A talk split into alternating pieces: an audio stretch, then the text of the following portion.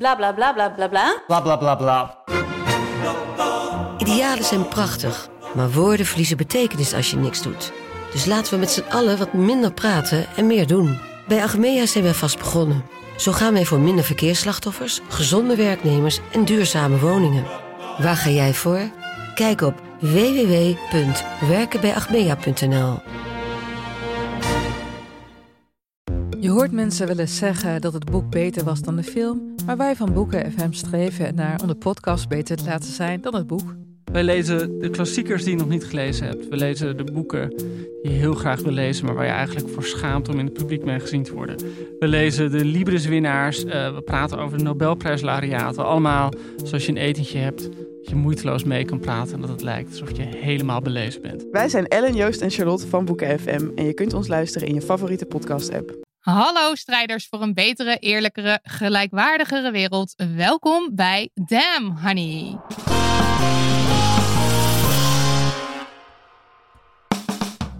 De podcast over shit waar je als vrouw van deze tijd mee moet dealen. Mijn naam is Marilotte. En ik ben Nidia. Welkom bij aflevering 62. Een aflevering over de Women's March. Want Internationale Vrouwendag zit ons op de hielen. 8 maart is het weer zover, lieve mensen. En traditiegetrouw hoort daar een march bij. Al dan niet digitaal. En we hebben twee gasten uitgenodigd die achter de schermen werken aan de Women's March. En de eerste die ik aan jullie voor mag stellen is Enam Ahmed Ali. Innovation Manager bij een bank, activist, boardmember van de United Nations Women. Eh, dat is een organisatie die zich inzet voor vrouwenrechten en gendergelijkheid. En lid van intersectioneel moslimvrouwencollectief Speak. Dat is een organisatie die opkomt voor de rechten van vrouwen en in het bijzonder de rechten van moslimvrouwen. Welkom Enam. Dankjewel, leuk om hier te zijn. Ja, leuk Heel dat je er bent. Gast nummer twee mag ik voorstellen. Het is Santi van den Toorn, oprichter van de feministische doetank De Bovengrondse, vrijwilliger bij Bijeen en sinds vandaag werkloze maatschappelijk betrokken IT'er. Dus huur Santi in als je dit hoort en denkt, ik kan wel heel goed een maatschappelijk betrokken IT'er gebruiken. Welkom. Dankjewel, leuk om hier te zijn ook. Ja, je tuned in vanaf de verre Veluwe. Klopt. Ehm, dat kunnen de mensen wellicht horen thuis. dat het wat verder klinkt dan normaal. Eh, maar bij ons klinkt je in ieder geval helder genoeg. Dus laten we hopen dat de, dat de luisteraars ook eh, van je mee kunnen genieten. Yes. Ik neem aan van wel, anders moet Daniel gewoon zijn magic op je stem loslaten.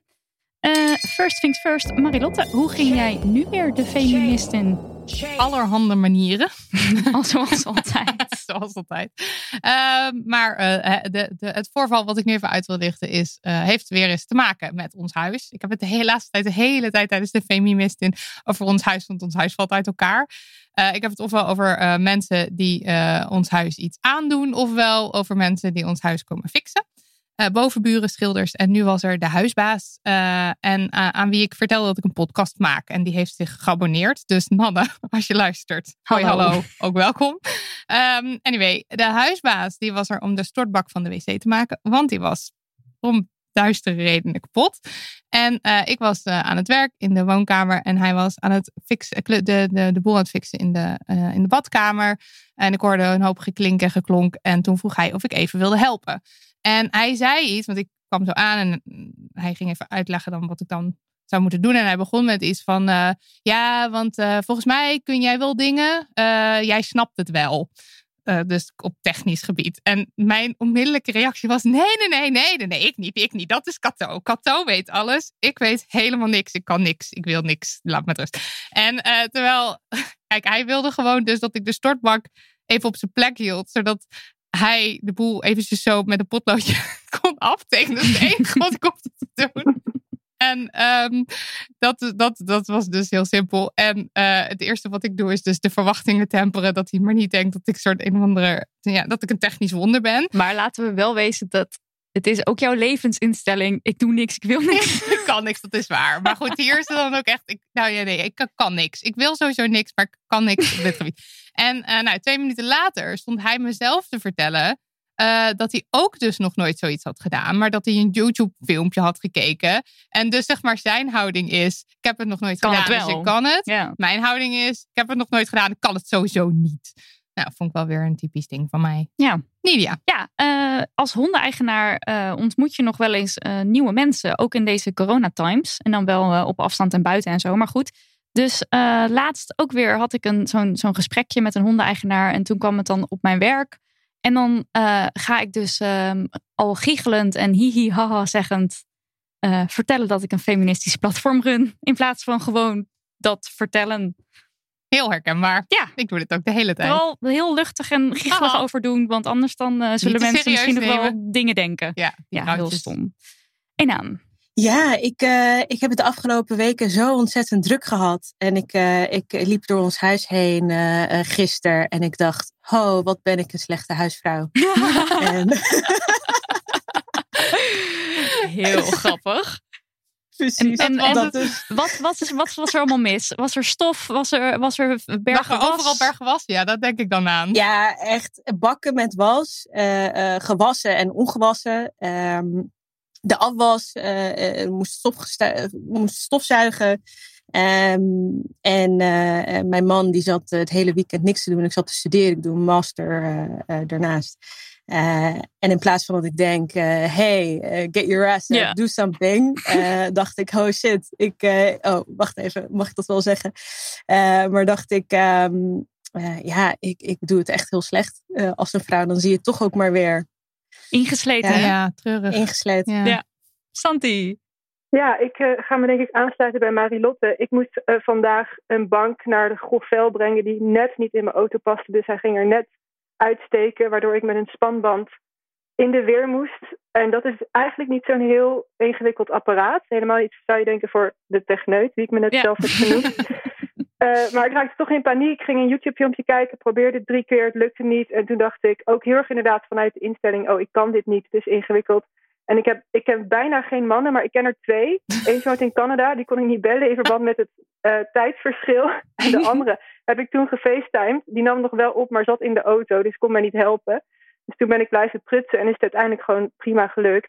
Maar toen dacht ik wel, ja, dit had ook echt gekund zonder de paniek en het bellen van mijn twee mannelijke contacten. Ja. Heel Dat grappig. eh, ja, Ja. was een Oh. dieptepuntje. I feel you. Ook dat je dus niet een ander contact kan bedenken wat wellicht kan helpen. Ja, dat het dan twee, ik Klopt. twee Twee mannen. mannen.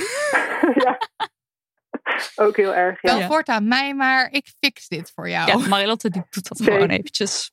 Houd je aan. Tijd voor post. Tijd voor post. Tijd voor post. Ja, eerst even een leuk berichtje van Angelique. En dat is niet zomaar een Angelique, maar mijn allerliefste, leukste vriendin sinds groep 4 mensen. Er zijn foto's dat we echt twee turven hoog zijn van ons samen op de bank. Te cute. En eh, zij vertelde mij onlangs dit verhaal. En toen vroeg ik of ze het even wilde opschrijven voor de podcast. En dat wilde ze. Dus daar komt hij. Een leuk bericht. Ik geef les op een basisschool aan de bovenbouw. En met carnaval mochten ze spelletjes doen in de middag. Twee jongens uit groep 8 pakten een soort bouwstenenconstructie. Ik weet ook niet precies wat het was, van de gang. En eentje begon meteen al te roepen: Ik ga een piemel bouwen. In de klas riep hij het nog een keer. Dus een meisje zei: Nou, eh, Jan, nu weten we het wel. Toen riep hij het nog een keer en zei ik: Weet je wat ik pas een uitdaging vind? Bouw er maar eens een clitoris van. Nou, hij stond met zijn mond vol tanden hoor. Hij had geen idee wat het was. Twee, maanden die, twee meiden die vooraan zaten lagen helemaal in een scheur. Ik vroeg of zij wel wisten hoe een clitoris eruit ziet. Maar volgens mij wisten ze wel dat ze er zelf een hadden. Maar niet precies hoe die eruit ziet. Of ze durfden het niet te zeggen. Ze liet het een beetje lacherig in het midden. Jan zei nog, nou, ik heb geen idee wat het is. eh, of waar jullie het over hebben. En het was meteen klaar. Die piemel heeft hij niet meer gebouwd. Je had zijn kop moeten zien. Heerlijk. En om privacyredenen hebben we de naam van Jan even veranderd naar Jan. Want hij heet eigenlijk geen Jan.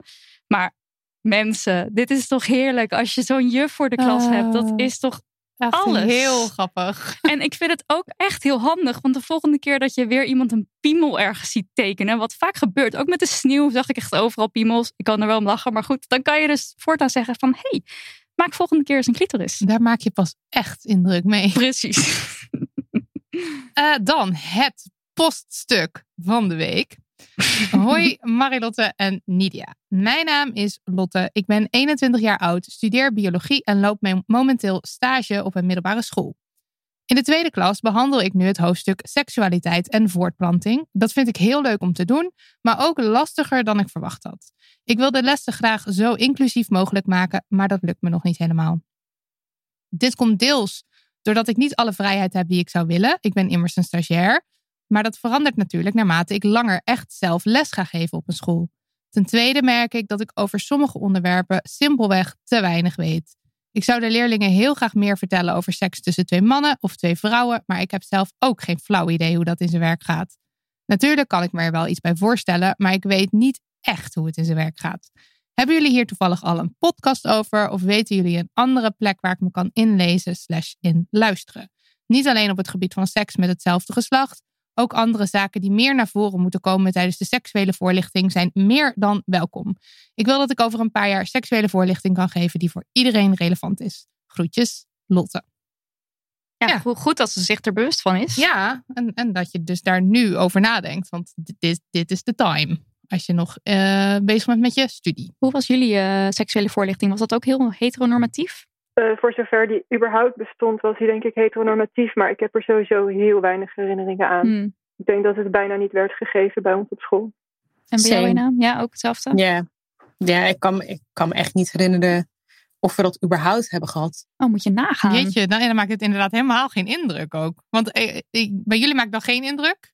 Of bij andere mensen is het, oh my god, ik wil niet zwanger worden. Volgens mij vooral. Ja, of ik wil dat was bij ons wel een beetje de main boodschap, ja. Ja, dat was een beetje wat wij aan, bij ons aan de hand was. En Ja. dat het dus heel erg Zo, eh, gericht is ook op eh, penis in vagina seks. dat sowieso, ja. Ja, en wat ik dus grappig vind, uh, uh, ook, ook uh, Lotte hier in de brief zegt het, van uh, ik, ja, ik wil wel graag meer vertellen over seks tussen twee mannen of twee vrouwen, maar kan me er, ik weet niet hoe het in te werk gaat. En deze vraag die krijgen we dus verrassend genoeg best wel vaak. En ik verbaas me daar wel een beetje over, want het is niet wezenlijk anders dan andere seks. Nee. Het is, ik bedoel, het enige wat dan mist als je bijvoorbeeld twee piemels hebt of twee vulva's, Is, Is een dat van de er andere dus- dingen. is dus dat er de, de een de ander niet ingaat, per se. Ja. En voor de rest is alles hetzelfde. Maar dan zie je dus duidelijk wel seks, of definieer je seks als, dan gaat dus de piemel in de vagina en dat is dan seks. Ja, wat sowieso een heel bekrompen beeld is. Want zelfs al heb je sprake van een piemel en een vagina, dan nog, hoezo leren we dan eigenlijk dat er dan altijd penetratie moet zijn? Er zijn tal van redenen te bedenken waarom dat niet het geval zou Ja, kunnen precies. zijn. Ja. En het is dus heel erg een soort script, lijkt wel, wat we dus toch volgen in de slaapkamer. Terwijl eigenlijk is de boodschap: voel en ervaar en kijk wat je lekker vindt, voel wat je lekker vindt en anticipeer, anticipeer daarop. In plaats van dat je maar denkt van, nou, dan gaan we weer en dan gaat zo meteen die penis in die vagina en dan hebben we het weer gehad. En dan kunnen we het zo afvinken, want Ja. dan heb je seks gehad. Ja. Ja. Ik vond, ja. Ik denk ook altijd bij volwassen mensen, hetero mensen die die vraag stellen, vo- vooral dus ook dan aan mij als queer, van hoe hebben twee mensen met een vulva seks, denk ik altijd, oeh, jouw seksleven, daar ben ik in ieder geval niet jaloers op. Als je dat echt niet kan bedenken, Ja. Ja, ja. dan eh, is het erg, erg simpel. Ja, ik denk dat ook altijd. Van, kijk dan eens even kritisch naar je eigen seksleven als je dat, als je dat nu niet kan bedenken. Maar Al weten we niet of deze persoon zelf seks heeft, hè? Ik nee, dat kan ook. bedoel, Dat is ook waar. dat Ja. weet je niet.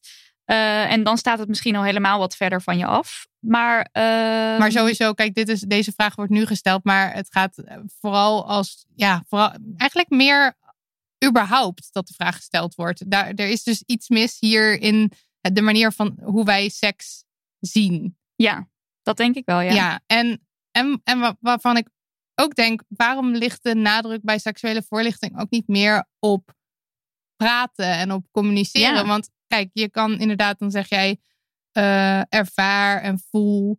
En eh, zo kom je er dus achter wat je zelf lekker vindt. En dan is het daarna, als je dus seks gaat hebben met iemand, is het belangrijk dat je dan dus uitspreekt dat je iets lekker vindt. Of dat je durft te vragen wat diegene lekker vindt. Ja. En dat je go from there. En dat zou eigenlijk je seksuele voorlichting moeten zijn. Ja. Plus dan de dingetjes in de SOA en de zwanger. En dat is altijd handig, goed om te weten.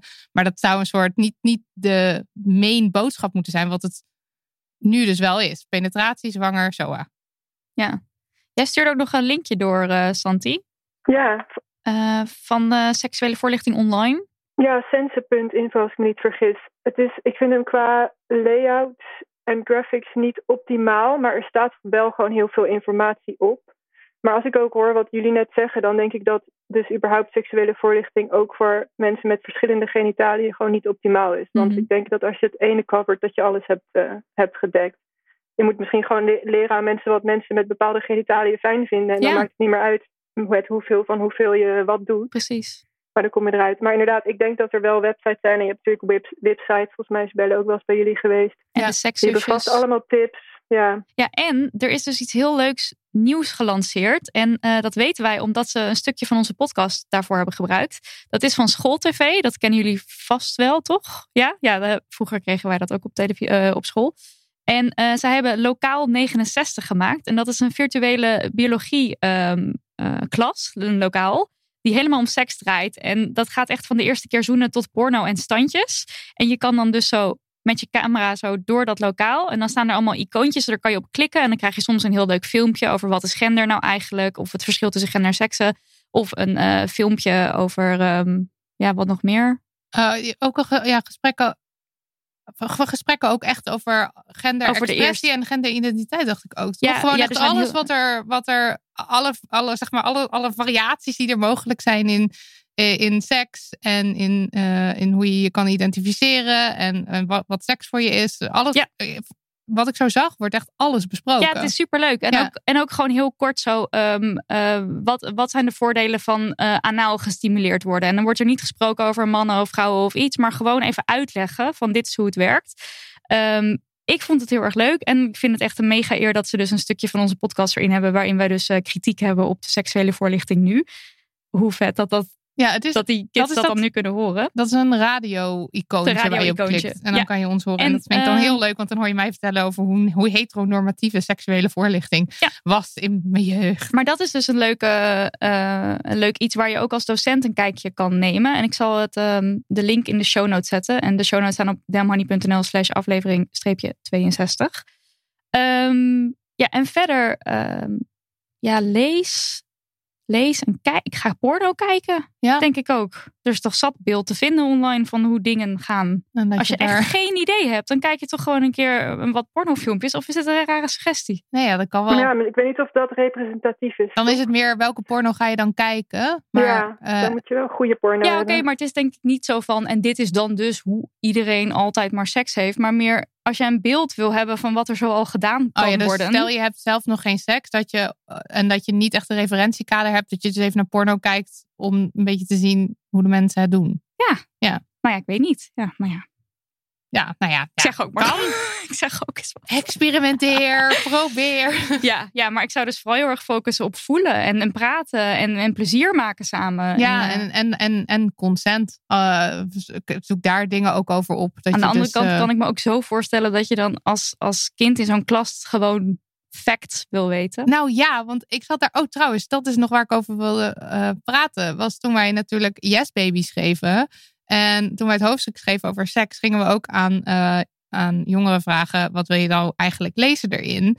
En dan krijg je toch terug van ja, ik wil gewoon weten hoe dat gaat, hoe dat voelt. Dus ik snap heel erg inderdaad de neiging om dat dus kinderen uit te willen leggen. Ja. En dan denk ik, eh, misschien moet je dus ex- mensen extern uitnodigen die bijvoorbeeld kunnen vertellen over hun eigen ervaringen. Ja. Zoals bijvoorbeeld ons. Wij hebben dat ook wel eens gedaan, hè? Even pluggen. Maar je kan ook andere mensen uitnodigen. Ik kan me dus ook voorstellen dat als je als docent voor de klas staat, dat je niet per se die grenzen over wil gaan van jouw persoonlijke verhaal. Of dat je je daar niet helemaal chill bij voelt. Eh, eh, zeker, zeker als je jong bent, misschien wel, dat je dat ook dat je daar helemaal nog niet over wil hebben. Ja, dan Eh, kan je andere en dan mensen kan je andere mensen, eh, en, en als je dan zorgt dat het allerlei verschillende mensen zijn die met verschillende genitaliën seks hebben, dan, eh, dan kan je daar gewoon voor, voor- dan kan je ervoor zorgen dat er een soort ja, heel breed beeld is voor je klas. Dus ja, kijk ook naar externe mensen. Nou, hopen dat ze hier wat mee kan. Ja, succes. Go Lotte. Hello Fresh, lieve mensen. Graag even wat aandacht voor onze sponsor. Hello Fresh.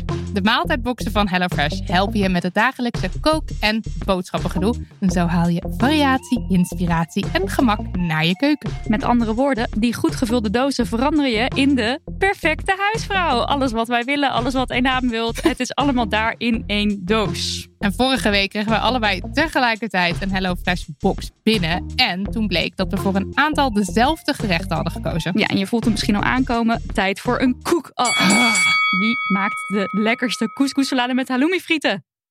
Ja, oké. Bij mij was het resultaat couscous-salade met halloumi plakkaat. De halloumi was helemaal Dit gesmolten. zijn spoilers. Ja, maar ik ga toch.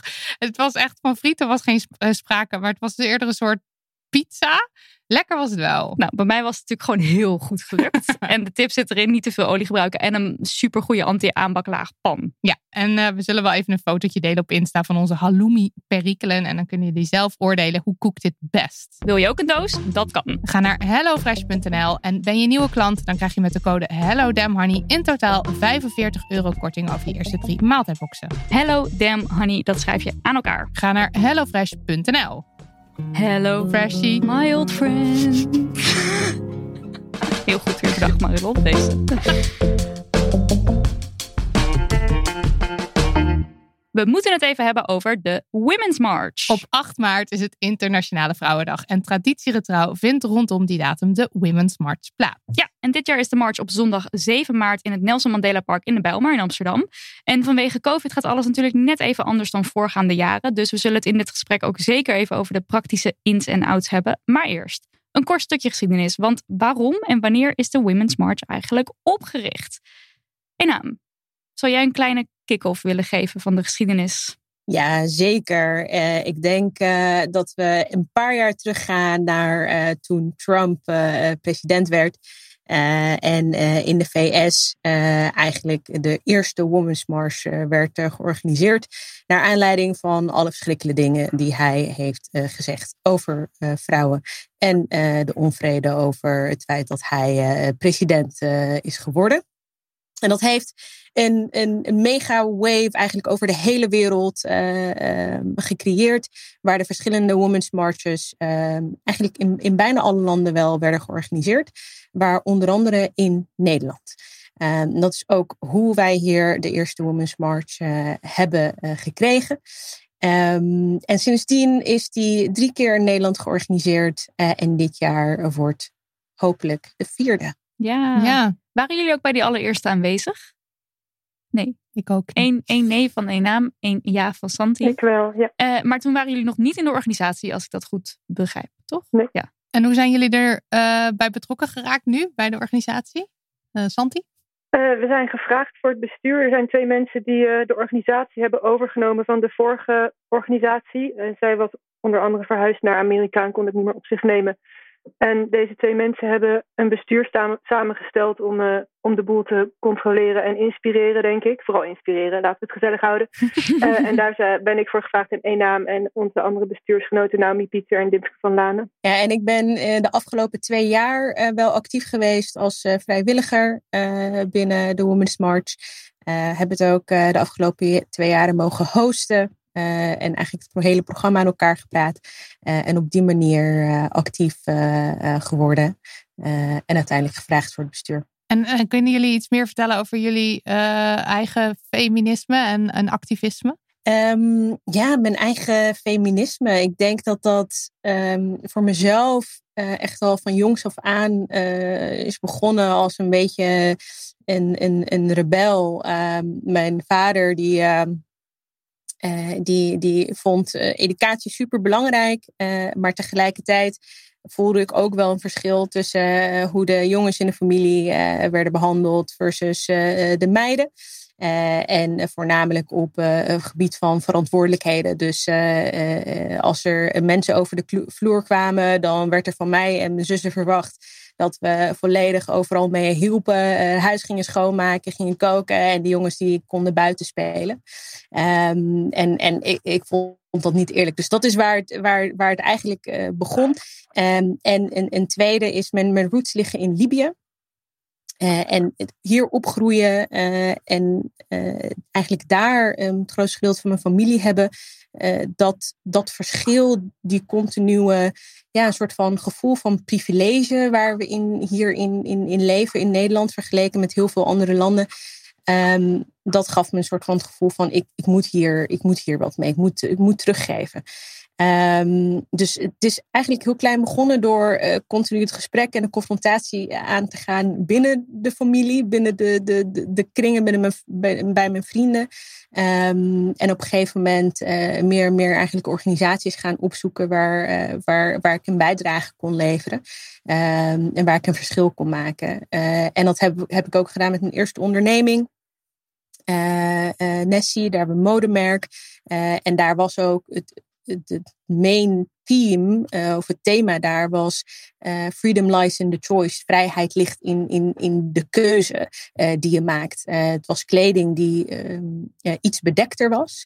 Ehm, ik ben hoofddoekdragend zelf. en dat was ontzettend moeilijk om eigenlijk kleding te vinden die daarvoor geschikt was. Dus dat was ook een soort van statement van je moet kunnen dragen wat je wilt. Wil je eh, wil je, helemaal bedekken, perfectly fine. Wil je dat niet, ook helemaal prima.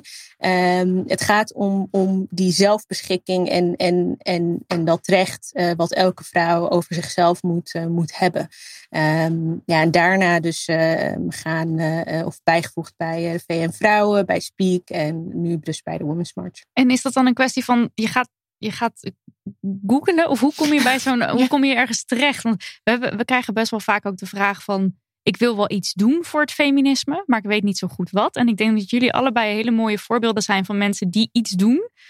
Alleen, ja, hoe kom je er? Dat is denk ik toch heel vaak de vraag van mensen. Ja, voor mij, kan, ik, weet niet hoe Santi er, erbij is gekomen, want zij doet ook uh, ontzettend veel. Um, ja, het is een kwestie van um, uh, googlen. Bijvoorbeeld de Women's March. Ik heb letterlijk een Facebook berichtje gestuurd. Hey, uh, kan ik ergens mee helpen in de komende editie? Kan ik vrijwilliger worden? Um, voor de VN vrouwen was het, er was een, een, een, een optie voor een bestuurslid. Dus ik heb daarop gesolliciteerd. Um, en ook eigenlijk ja, vooral kijken naar eh, wat, wat, wat doen je vrienden of wat doen eh, de, de, de mensen die bijvoorbeeld te gast zijn bij Damn Honey. Eh, zijn dat organisaties waar ik, waar ik bijvoorbeeld interesse in heb? En zou ik daar vrijwilliger willen worden of daar een bepaalde bijdrage aan, aan leveren?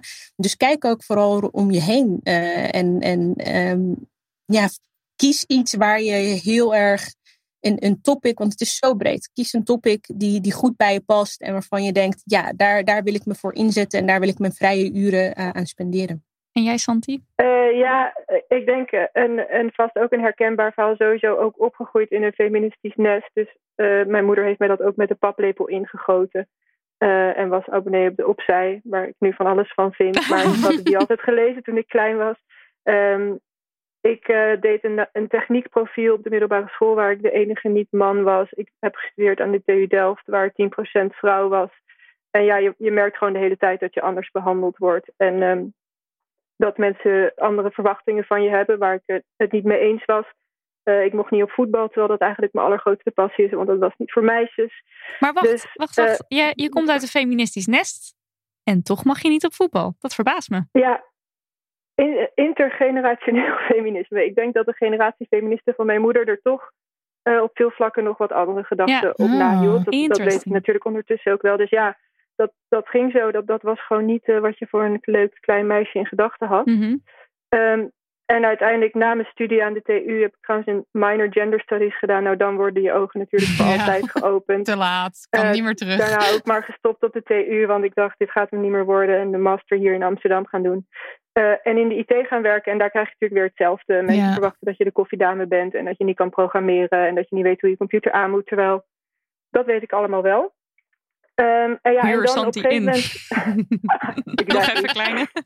Smooth. Ja. Uh, en dan op een gegeven moment. Uh, ja, de, de, de bovengronds en stem op een vrouw zijn eigenlijk een beetje gelijktijdig ontstaan. En ik heb op het begin deze jaar dus uh, veel geholpen met oprichten van Stem op een Vrouw. Daar op een gegeven moment weer een stap terug gedaan. Zit nog wel in het bestuur, maar om de bovengronds echt groter te gaan maken. Dus ik ben inderdaad gewoon zelf iets gaan doen en iets gaan opzetten wat toevallig goed gelukt is. Uh, en uiteindelijk natuurlijk ook nog mijn werk ervan gemaakt. Want ik heb dus net twee jaar bij bureau Clara Wichman gewerkt. Ook wel vaak voorbij gekomen. De superhelden squad um, noemen we ze vaak. Ja, ja echt cool zijn ze. Um, en ik denk inderdaad van als je iets wilt doen... Ik denk toch wel dat het belangrijk is om je van tevoren ook een beetje in te lezen, Dem Honey te luisteren, een klein beetje te begrijpen wat de problematiek is en op wat voor vlakken het allemaal uh, in elkaar hangt en klikt. Maar je kunt al heel snel iets doen en inderdaad schrijf organisaties aan die al bestaan. Iedereen heeft vrijwilligerskrachten nodig. We moeten dit met z'n allen gaan doen. Maar ik geloof ook heel erg, je kent je eigen lokale context, ken je het beste en je weet wat daar voor een ongelijkheid speelt.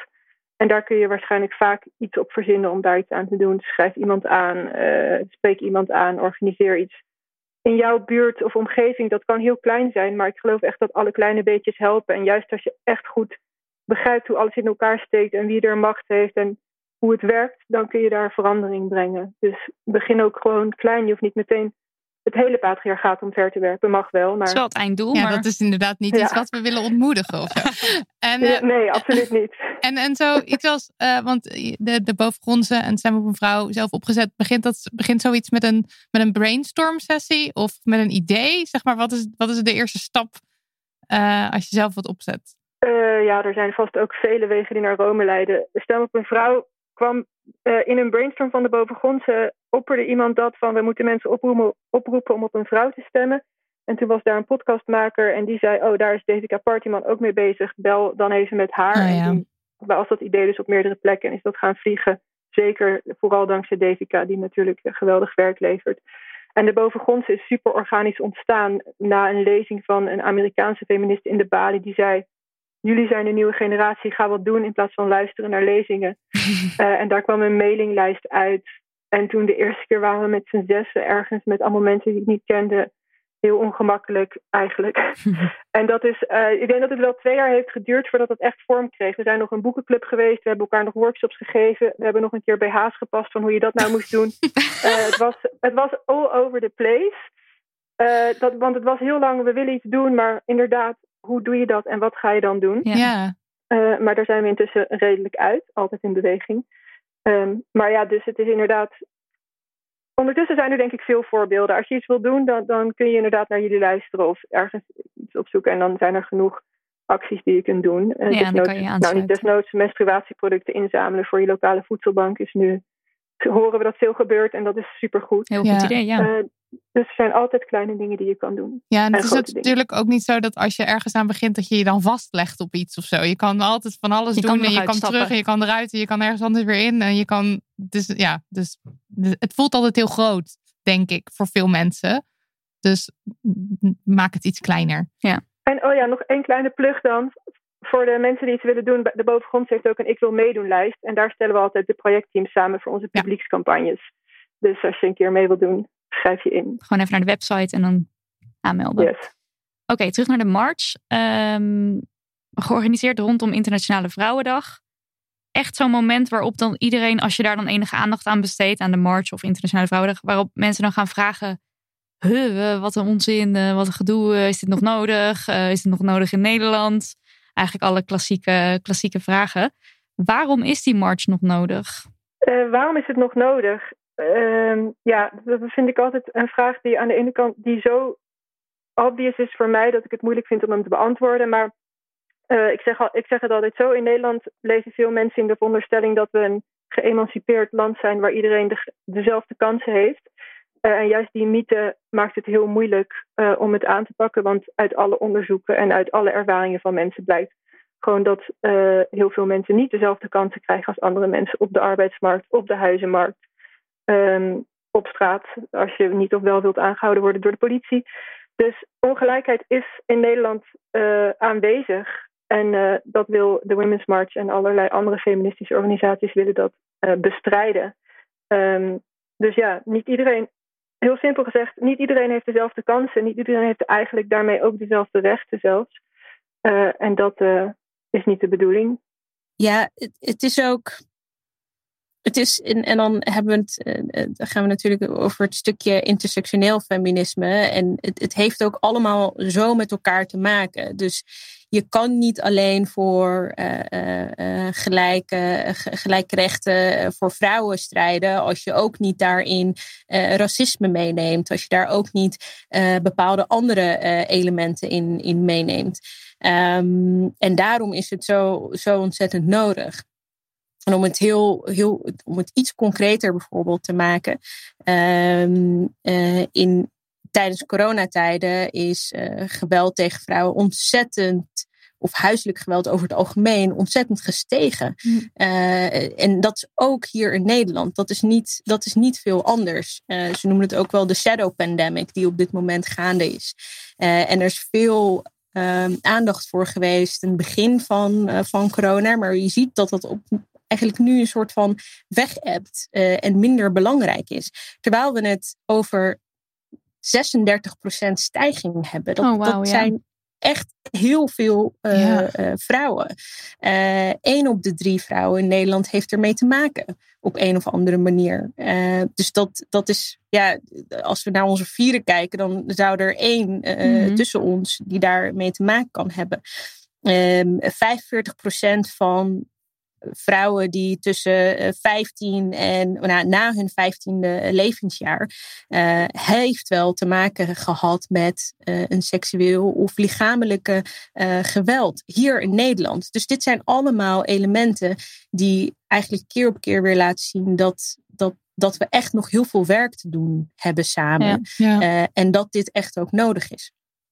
Um, en daar bijvoorbeeld in het verlengde daarvan uh, islamofobie is, is iets waar ik heel erg uh, gepassioneerd over ben. Ook omdat het voornamelijk vrouwen raakt. Het is natuurlijk een, een, een, een uh, iets wat, wat uh, moslims over het algemeen raakt, maar voornamelijk vrouwen.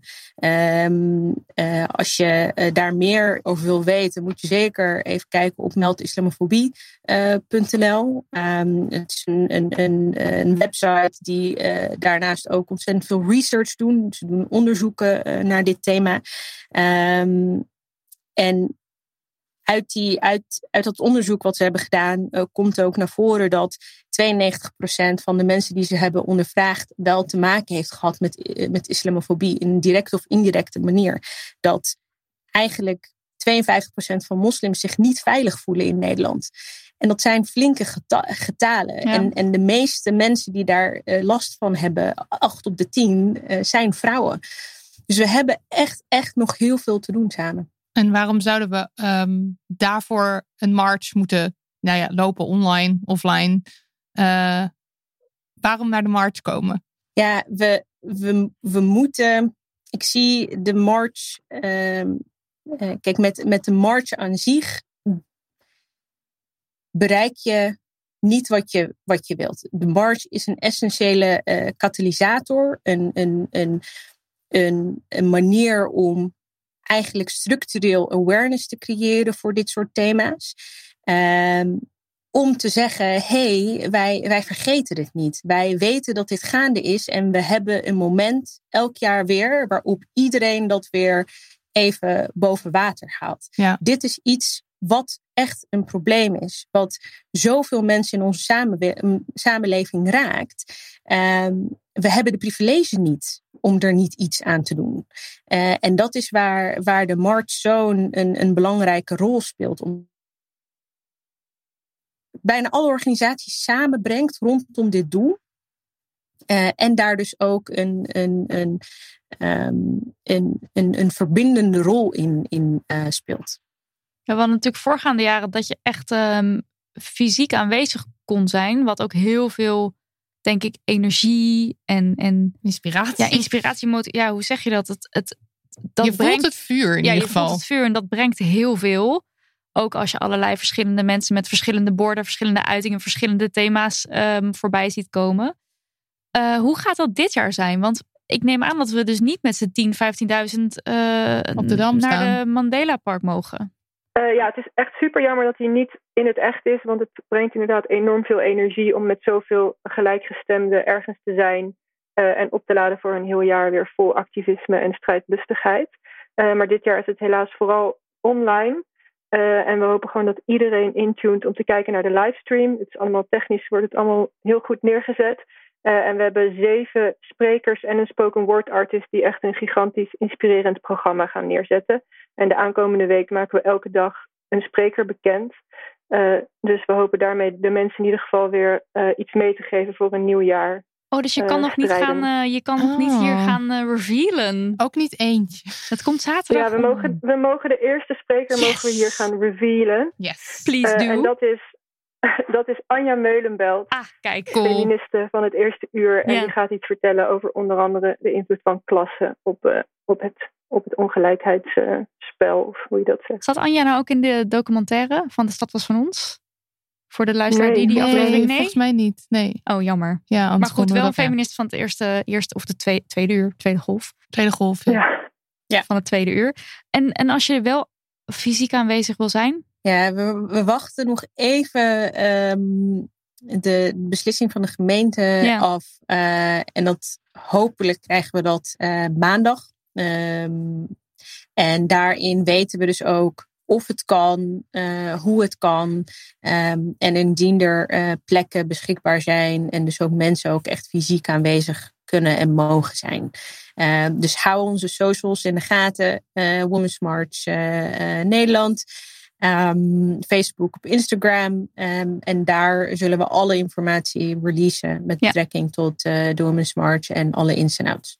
ja, het is gewoon anders dan andere jaren. En eh, dat is ook goed, vind ik. Dat we hebben het er maar mee nu te even doen. niet zo is. Ja. En hebben jullie dan bijvoorbeeld ook nog een soort ehm, online eh, van, van, van postje, postje protestbord? Of weet je wel, als we, niet, als we niet ergens fysiek aanwezig kunnen zijn, dat we digitaal heel erg aanwezig gaan zijn? En dat is eigenlijk, Santi, weet jij dat? Of we dat hebben? Eigenlijk wel een goed idee. Ja, ik weet dat niet. Ik weet dat ze met heel veel bezig zijn en dat ze soms ook zo druk zijn dat wij niet alle laatste updates krijgen. Ja, heb ik, twee ja. dagen geleden alle laatste updates gekregen voor deze podcast. Ehm, maar, en het hangt natuurlijk dus ook nog steeds af van die gemeente en Ja. de toestemming.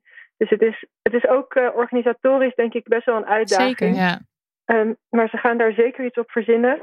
En dat zal, zal ook op onze socials denk ik wel eh, te zien zijn. Cool. Want ook met on- van die online dingen, kan je, daar kan je toch ook heel erg veel energie en vuur en power van voelen. Zeker, ja. En ehm, ik ben al heel blij dat er iets wordt georganiseerd. Want ik dacht, oh, dat gaat, dat gaat niet gebeuren dit jaar. Dus al hartstikke blij dat er wel iets gebeurt. En Ja. of het dan wel of niet iets is waar we fysiek aanwezig kunnen zijn. eh, met zeven sprekers denk ik dat je al iets heel bijzonders neer kan zetten. Dat denk ik ook. Ehm, ja, zijn er concrete voorbeelden van wat de beweging al bereikt heeft? Ja, ik denk dat dat, ehm, eh, dat we, zoals we net hebben gezegd, de Women's March is, is een, flinke katalysator voor verschillende dingen. Eh, als organisatie doen we dat natuurlijk niet, niet zelf.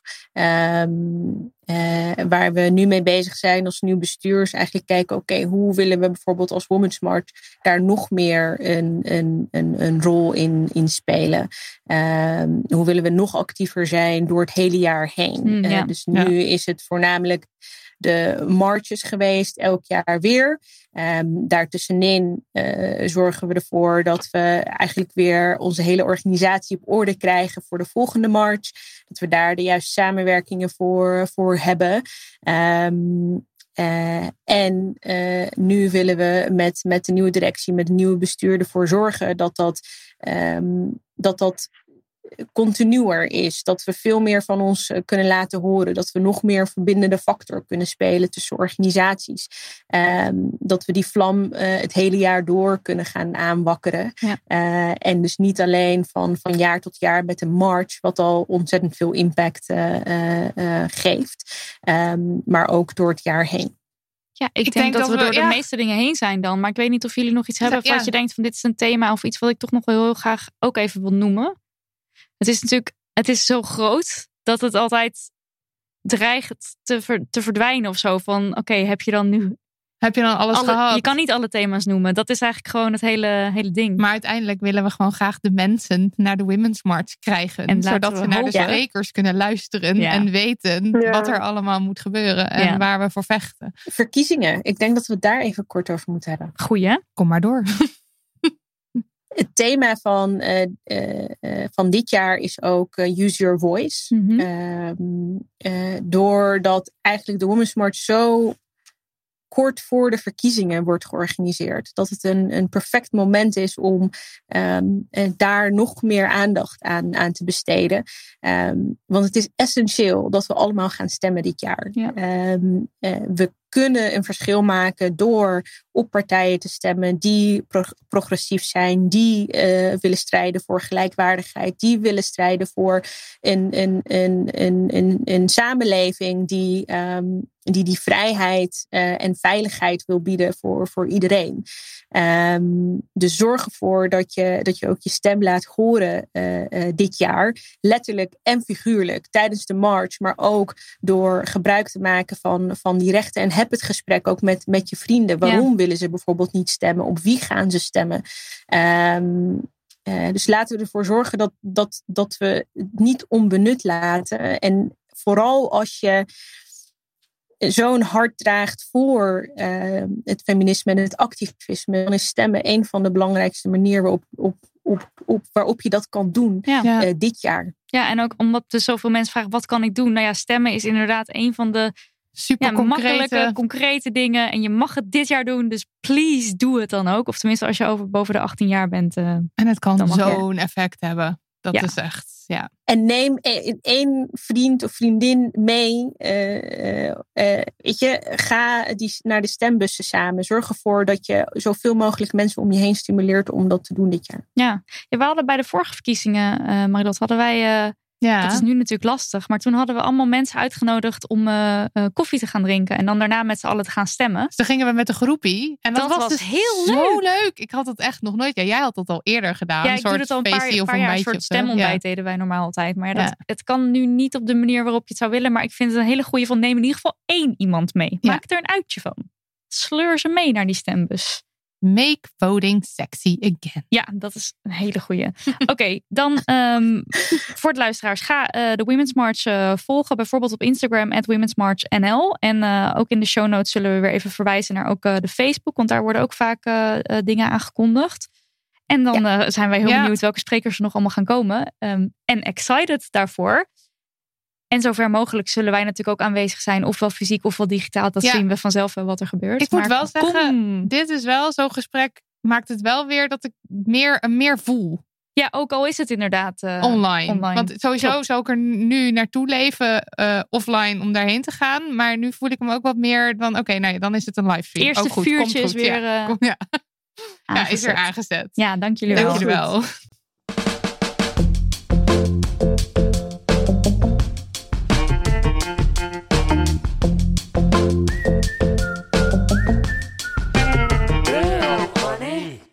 komen we bij de Damn Honey Yes en No. Nidia, laat ons huilen. Wat is de No? Ja, ik ga opnieuw aan de bel trekken voor iets dat ook al uh, eerder in uh, Damn Honey de podcast voorbij is gekomen. Namelijk in aflevering 42, vorig jaar. En toen hadden we Lisa Stevens te gast om te praten over sekswerk. En uh, toen was er eigenlijk vrijwel dezelfde situatie gaande die dus nu ook weer speelt. Mijn No, komt die. Contactberoepen mogen vanaf 3 maart weer uitgevoerd worden op afspraak. Maar dit geldt niet voor sekswerkers. Ja, het is eigenlijk dus weer ja. the same shit show all over again. Ja, precies. Um, nou, kan ik me voorstellen dat als jij geen enkele ervaring hebt met sekswerk of er heel weinig van af weet, dat je dan denkt van, ja, maar sekswerk natuurlijk mag dat niet, want dat is toch hartstikke onveilig. Maar dan ga je er denk ik van uit dat sekswerk dus bestaat uit een vast riedeltje handelingen. Ja, de hele tijd tongen of zo. Ja, dus dat daar niet een soort van. Um, ja, dat er allerlei verschillende vormen van sekswerk bestaan. Dus ja. bijvoorbeeld al, niet elke sekswerker heeft überhaupt fysiek contact met klanten. Ja. En dat is dan misschien al iets waar je dan niet over nadenkt. Ja, en dan waar, waar je, waarvan je misschien dan denkt: uh, oh ja, dat kan natuurlijk ook. Ja. En er is, je kan ervan uitgaan dat er, net zoals er um, in alle branches is nagedacht over coronamaatregelen, is er ook in de branche van het sekswerk ja. is ook nagedacht over professionals. Hoe kunnen we dit het beste aanpakken? Hoe kunnen we dit zo veilig mogelijk doen? Hoe kunnen we de kans dat er besmetting optreedt zo klein mogelijk maken? En als uh, niet-sekswerkers weet je dan misschien niet hoe, maar je kunt ervan uitgaan dat mensen daarover nagedacht hebben. Ja, er is gewoon, dus er bestaan gewoon al protocollen voor. Die zijn er gewoon. Dus net als bij de kappers, masseurs, any, anyone, ja. uh, bestaan die ook voor sekswerkers. Uh, maar los daarvan, um, sekswerkers hebben natuurlijk bij uitstek ervaring met veilig en hygiënisch, uh, hygiënisch werken. Uh, en ik heb daar even een quote over. Yvette Leurs die schreef in mei een stuk voor One World. Want in mei zaten we dus precies Mhm. in dezelfde situatie. Iedereen weer aan het werk of alle contactberoepen aan het werk, maar geen sekswerkers. En op One World schreef ze toen het volgende. Omgaan met virussen en aandoeningen die een gevaar vormen voor hun gezondheid is al eeuwen de realiteit voor sekswerkers. Zij zijn daarom de meest ervaren beroepsgroep in het navigeren van hygiëne als fysiek contact onvermijdelijk of wenselijk is. Maar anders dan in andere branches zijn sekswerkers door de overheid niet uitgenodigd om mee te praten over maatregelen en richtlijnen. Nou, dat laat dus ook alweer heel goed zien hoe sekswerkers wederom niet serieus genomen worden. En ze schreef er ook het volgende over, Yvette Leurs. Mij verraste het niet. Sinds de coronacrisis, maar ook al daarvoor, doet de overheid actief haar best om sekswerkers tegen te werken en monddood te maken. En ze schrijft ook eigenlijk dat je dus die uitsluiting van sekswerk uh, in een veel breder kader moet zien. Want het is niet zo simpel als ja, oké, nu even niet seks hoor, want het is beter voor de volksgezondheid en voor die, om die verspreiding tegen te gaan. Uh, nee, het is actief sekswerkers tegenwerken. En dat blijkt uit heel veel verschillende dingen in Nederland. Uh, qua regelgeving en hoe we kijken naar sekswerk. Er is gewoon nog een onwijs stigma op. Maar goed, stel je zou dus meegaan in die gedachte van... Wat we niet doen. Het is dus, gevaarlijk. Ja, ja wat wij niet doen. Maar niet. goed, stel je zou dus wel denken van... ja, het is gevaarlijk en de masseur moet wel werk kunnen doen... maar sekswerker niet. Dan komen we bij het volgende. In veel gevallen kunnen sekswerkers geen aanspraak maken op financiële steun. En dat is natuurlijk ja. super scheef dat dit aan de hand is. Uh, en dat gaat dan met name om sekswerkers in clubs, privéhuizen, uh, veel escortbureaus en een aantal SM-studio's en uh, erotische massagesalons. Um, en dit is ook wel weer een redelijk gecompliceerd verhaal. Ja, en ik zag het aan alle kanten voorbij komen op Twitter dat het zo was. Um, maar toen kregen we dus een kritische volger in onze DM. Volgens mij hebben we wel meer berichtjes gehad trouwens daarover. Ja, toen wij zo dit van, gingen delen. Ja, en toen was het van... Luister, ik heb eventjes het nagezocht. En sekswerkers maken wel aanspraak op, uh, uh, op, op, op steun. En ze kunnen gewoon geld krijgen. Ja, dus hoe zit het nou eigenlijk? Ja. Nou, toen ben ik uh, erin gedoken. En toen heb ik op Twitter gevraagd of iemand me misschien te hulp kon schieten om het iets meer uit te leggen. En toen kreeg ik dus van Yvette Leur kreeg ik een uh, reactie. Die heeft dat stuk met mij gedeeld, wat ik net al noemde. En Moira Mona, die zelf ook sekswerker is, die heeft mij ook geholpen. En die stuurde toen de volgende tweet terug. Er is inderdaad geen steun voor opting-inners, omdat exploitanten geen NOW, dat is noodmaatregel overbrugging werkgelegenheid, kunnen aanvragen en je zonder KVK-nummer geen TOZO kunt aanvragen. Ja, en toen, ik, ik zag dit net in het script staan, deze tweet, en toen dacht ik, wat de fuck staat hier? Dit ja. is gibberish. Ja, maar dat is dus ook het hele ding. Het is allemaal vet gecompliceerd. Um, ik ga het proberen uit te leggen. En dit is allemaal dankzij Yvette en Moira dat ik dit überhaupt kan uitleggen, want die hebben mij dus heel erg geholpen. Veel sekswerkers die vallen onder die zogenaamde opting-in-regeling. En dat wil eigenlijk zeggen, als je werkt uh, in een bordeel of voor een escortbedrijf, dan kan je onder die regeling vallen. En dan ben je wettelijk gezien geen zelfstandige, maar ook geen werknemer. En dit is een regeling die binnen de sekswerkindustrie als iets, um, ja, wat, wat, heel veel voorkomt. Je ziet Ja. dat gewoon heel veel gebeuren. Um, en uh, via deze regeling gaat er wel geld naar de belasting. Het is dus legaal, maar er bestaat geen, er is geen contract wat de sekswerker tekent, bijvoorbeeld. En um, los van hoe fucked up dat nu is, is het eigenlijk sowieso heel fucked up. Want het zorgt er bijvoorbeeld ook voor dat je geen uh, pensioen kan opbouwen, dat je geen aanspraak kan maken op bijvoorbeeld ziekteverlof of vakantiegeld. Uh, maar dan komt dus nu deze uh, regeling in combinatie met de coronamaatregelen. Zegt Yvette daarover. In het coronamaatregelenpakket is de opting-in niet meegenomen. Het steunpakket van de regering geldt namelijk alleen voor zelfstandige ondernemers. En dus krijgt de legale, tussen aanhalingstekens, uh, sekswerker die in de vergunde branche werkt en daar geld verdient en belasting betaalt, geen financiële steun van de overheid. Nou, nou zou je nog kunnen denken, waarom doe je het dan als opting-inner? Ja, dat is een goede vraag. Ja. Uh, want je kan dus ook als ZZP'er zou je in principe ook, uh, als sekswerker kan je ook ZZP'er zijn. Uh, en in theorie had je dan inderdaad aanspraak kunnen maken op de TOZO. En dat is denk ik dus wat volgers dan vinden. Van Ja. ook sekswerkers Precies. En de TOZO, dat was dus die tijdelijke ondersteuning zelfstandige ondernemers, geloof ik. Um, maar om eerst even om die TOZO te krijgen, waren er allerlei voorwaarden waar je aan moet voldoen, waar niet elke sekswerker makkelijk aan kan voldoen. Dus stel je was als ZZP'er en je ging dat dan proberen als sekswerker, dan liep je tegen de volgende dingen aan. Je moet bijvoorbeeld aan kunnen tonen dat je meer dan 23 uur per week werkt voor je bedrijf. En dat is iets wat lang niet alle sekswerkers doen vanwege ho hoge lonen. Uh, en je moet kunnen aantonen dat je vergunningen bezit die benodigd zijn voor het beroep dat je uitvoert volgens je inschrijving bij de Kamer van Koophandel. Dat brengt ons op de volgende hobbel. Stel je wil een vergunning aanvragen uh, voor sekswerk bij de KVK. die vergunningen die worden heel weinig weggegeven. En de gemeente die zegt ook best wel vaak dan van... hey, uh, ga gewoon via opting-in bij een bordeel aan de slag. Dus wordt dan ook echt actief aangeraden om voor de opting-in keuze te gaan. Ja, dus je wordt echt gestuurd richting opting-in. Klopt, ja. En uh, het tweede ding is, zo'n vergunning is openbaar. Dus uh, in een land waar nog zo'n enorm stigma op het beroep hangt, is dat gevaarlijk. Want op het moment dat je zo'n vergunning aanvraagt, kan iedereen dat dus uh, inzien.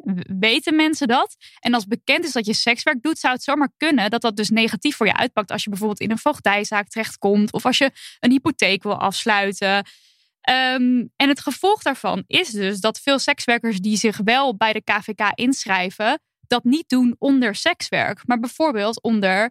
Uh, Masseur ja, masseur of kapper of zo, zeg maar iets heel anders. En vaak uh, is dat ook het verhaal wat ze vertellen aan vrienden, omgeving, familie, vanwege het enorme stigma. Ja. Dus als je dit ook zo allemaal op een rijtje zet, het klauwt allemaal onwijs in elkaar. Het is dus niet, je kan eigenlijk niet uh, deze maatregelen, dat er geen steun gegeven wordt, helemaal loszien van het hele verhaal van wat er allemaal speelt. Ja, en alle stigma's dat waar je niet aan het werk hebt. mogen. Ja. Ja. Nou, um, aan de hand van deze hele situatie had ik ook nog even geappt met uh, Mooi Ramona. Uh, die zo uh, fantastisch was uh, dat, dat ze zei van oh je mag me even wel wat vragen sturen. wat natuurlijk, weet je wel, je zit al in de shit en je wil ook nog wel je verhaal doen. Thanks a lot. En toen stuurde ze mij nog deze audioberichtjes die ik hier mag laten horen. Belachelijk is dat we deze hele discussie al eerder gevoerd hebben.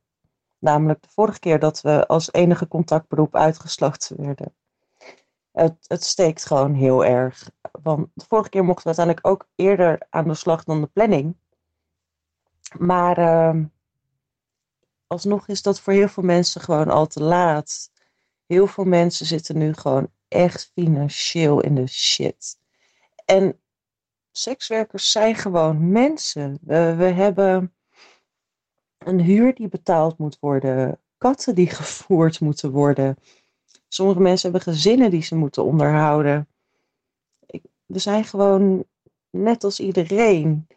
En we hebben ook gewoon onze behoeftes. Het is niet zoals dat we allemaal bakken geld hebben waar we op kunnen terugvallen. Of dat we.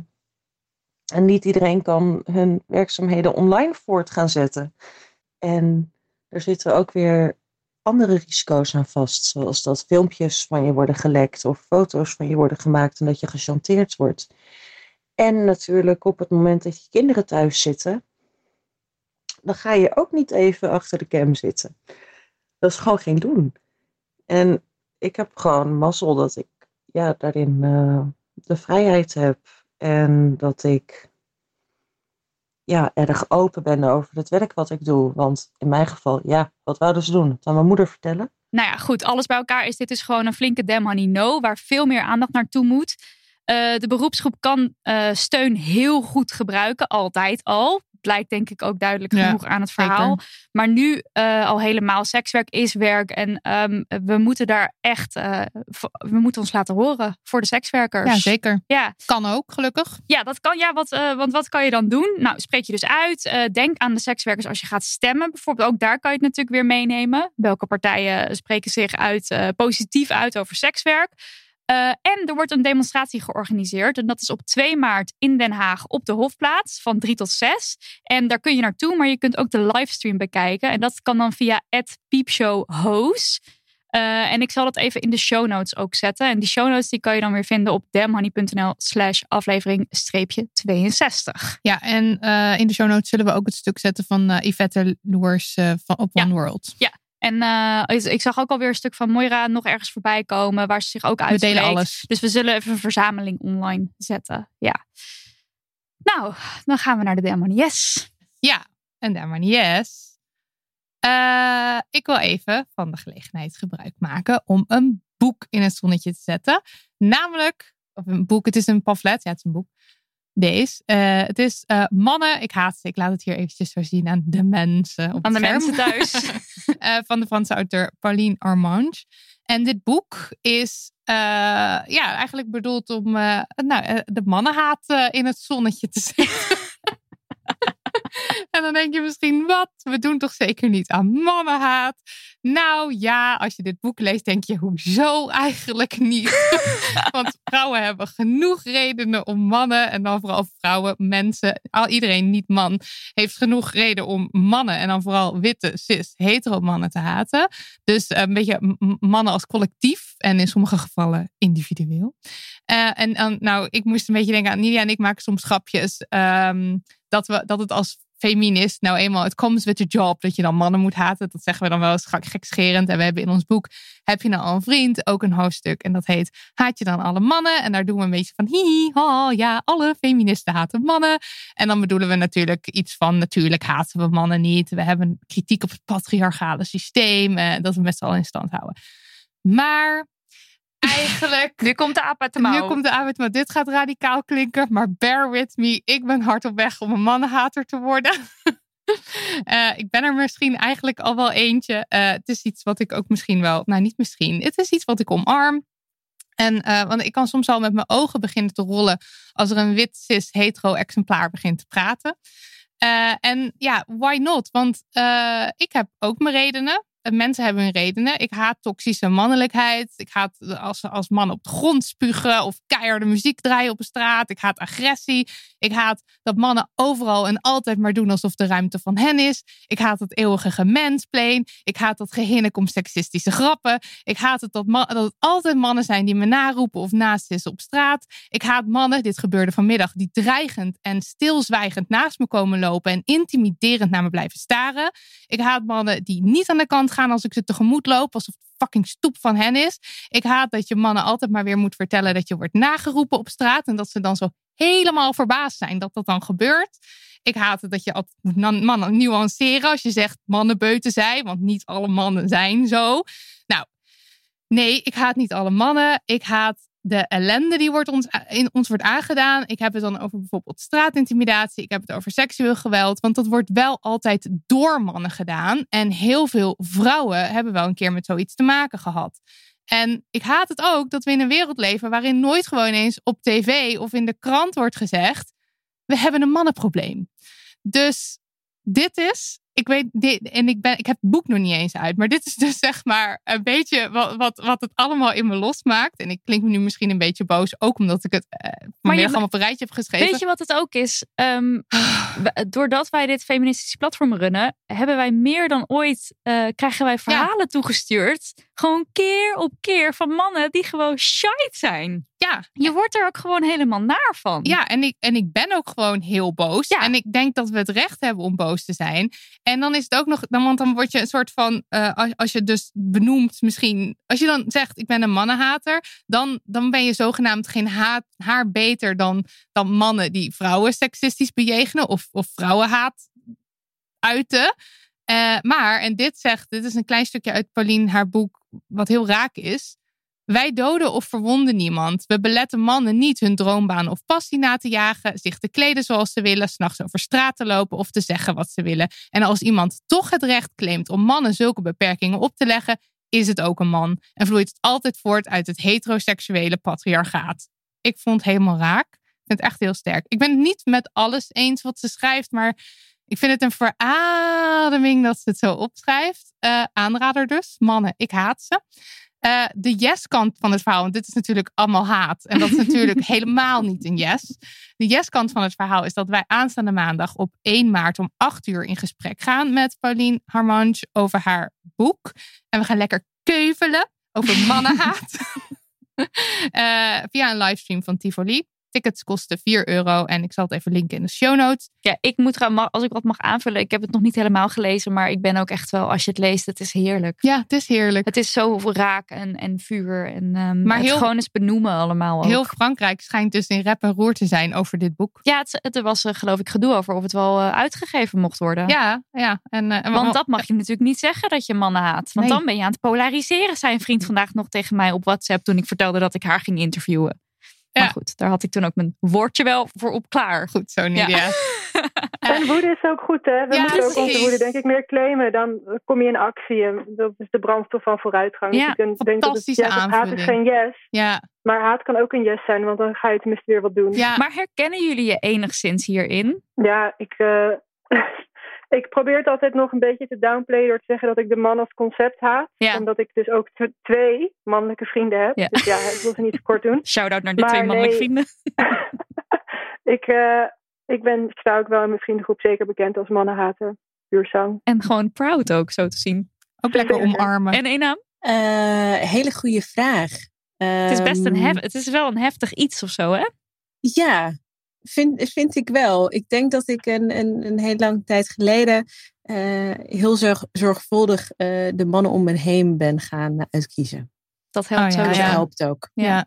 En, en, en mannen kiezen die dan met je meegroeien. Hoe meer je leert dat zij ook dingen leren. Ja, ik heb dus ook nu alweer de neiging om te zeggen, ja, maar niet alle mannen. Er zijn ook heel leuke mannen. Maar dat is eigenlijk maar daar gaat het probleem. het dus niet ja, om. precies. Ja, dat is dus niet het punt. Want Ja. ik weet heus wel. Ja. Iedereen weet heus wel dat niet alle mannen kut zijn. Want dat is niet zo. Ja. Maar goed. Anyway, Lees dat eh, boek dan maar. Dan, Ook nog even ja. een leuk ding. We mogen drie exemplaren van Mannen, ik haat ze weggeven. Eh, dus hou onze Insta in de gaten, want dat gaan we daar doen.